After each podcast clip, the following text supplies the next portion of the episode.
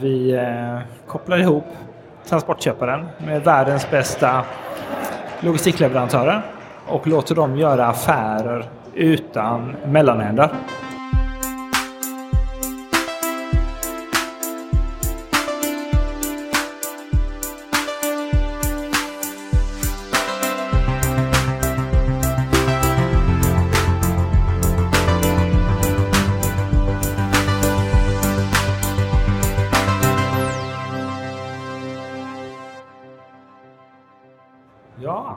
Ska vi köra då? Eh, absolut. Heja Framtiden eh, tuffar vidare eh, på Retail Experience Live på The Meetup Zone. Det låter som att eh, det barn ska samlas här för att hitta sina föräldrar om de har kommit bort. Lite så kanske det är. Eh, Jag sitter här med Andreas eh, Ramsmyr, VD för AdNaven. Välkommen! Tackar. Vi kanske ska gå um, rakt på sak då. Vad gör AdNaven? Vad var din uh, grundidé?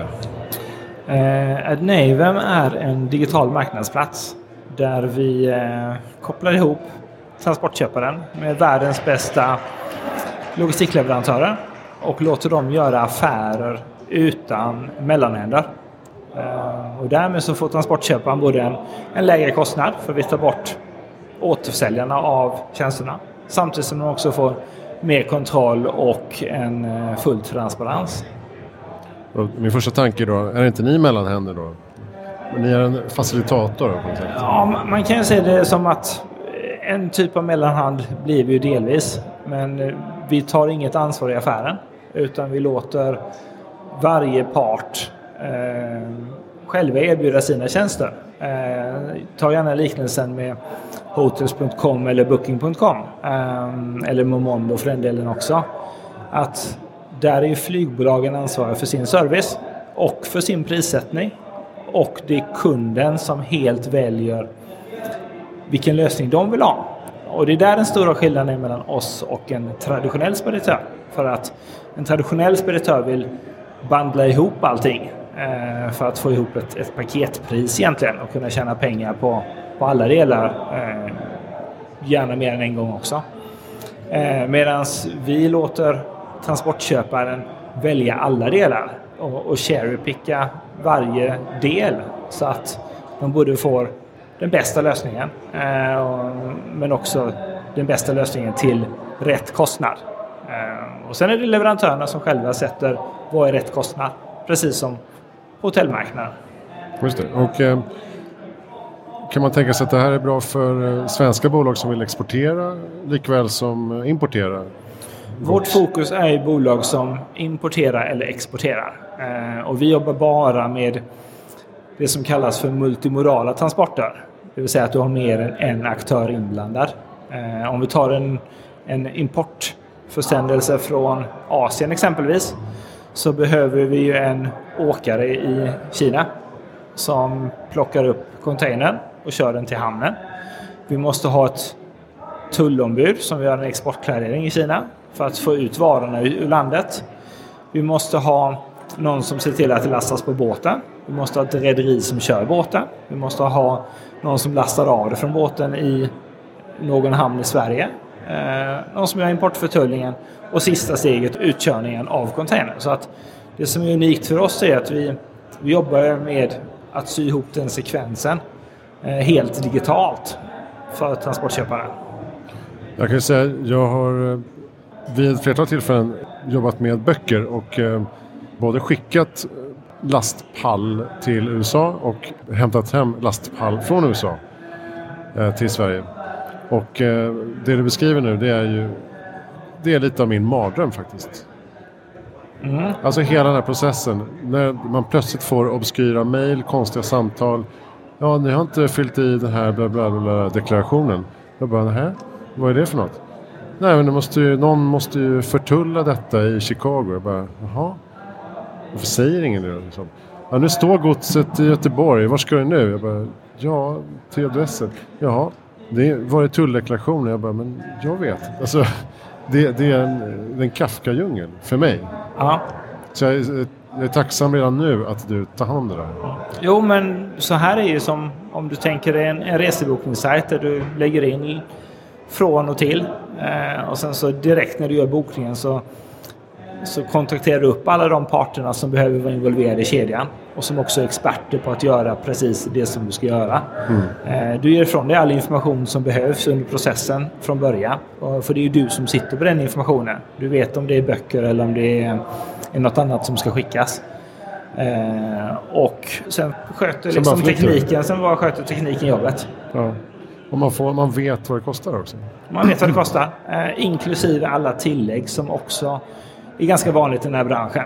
Att man har drivmedelstillägg och trängselavgifter och sånt som inte syns i, eh, på offerten men som du sen får på fakturan. Då.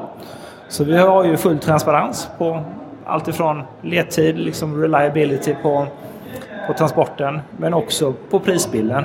Eh, så att transportköparen hela tiden vet vad är det jag får och vad är det jag betalar för och vilken service får jag från de här eh, aktörerna. Jag älskar ju Adnavem-ledaren. Ehm, därför det här var inte så länge sedan jag eh, håller på att brott... Hur går det med disk? Slänger de disken istället för att diska den? Ehm, det var inte så länge sedan jag brottades med en, med en sån här pall hem från USA och ehm, då har ju jag fått ett pris från eh, bokdistributören eh, på transport. Men det är bara att de vet ju inte vad som händer i Sverige. Så plötsligt får jag något samtal från Göteborg där de säger Ja, vad är tulldeklarationen och betala den här fakturan till den här speditören och så här.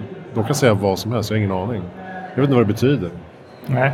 Så att eh, just det här att, att få bort alla sådana här eh, formulär från byråkrati, red tape, från liksom kundens eh, synfält. Bara det är värt mycket. Tror jag. Vi har ju en målsättning att göra det enklare för kunden. Eh, enklare för kunden i, i bokningsförfarandet. Eh, enklare i uppföljningen. Eh, och med full kontroll. Och, och min bakgrund är att jag var transportköpare i över tio års tid jobbat som logistikdirektör. Eh, men jag har också varit VD för ett speditionsföretag.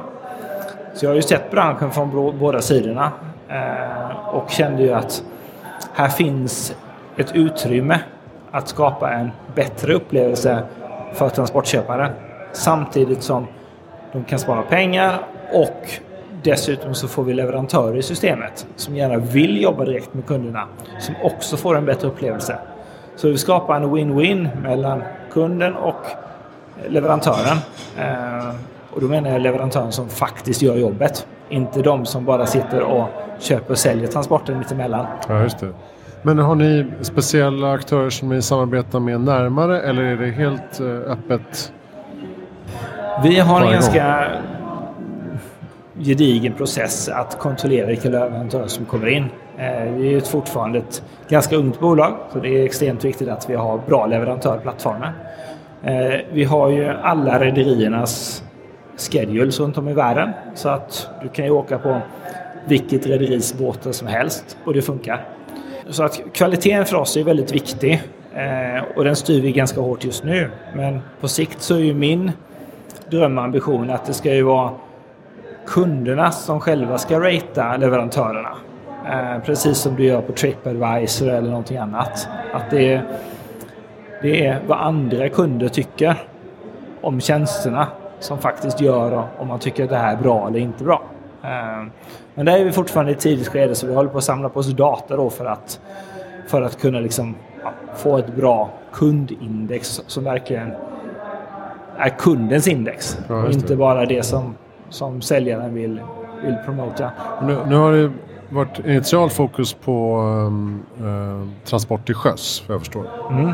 Kommer det, är det tanken att det ska vara just containertrafiken som är, är det som är extra liksom, efterfrågat att hjälpa till med?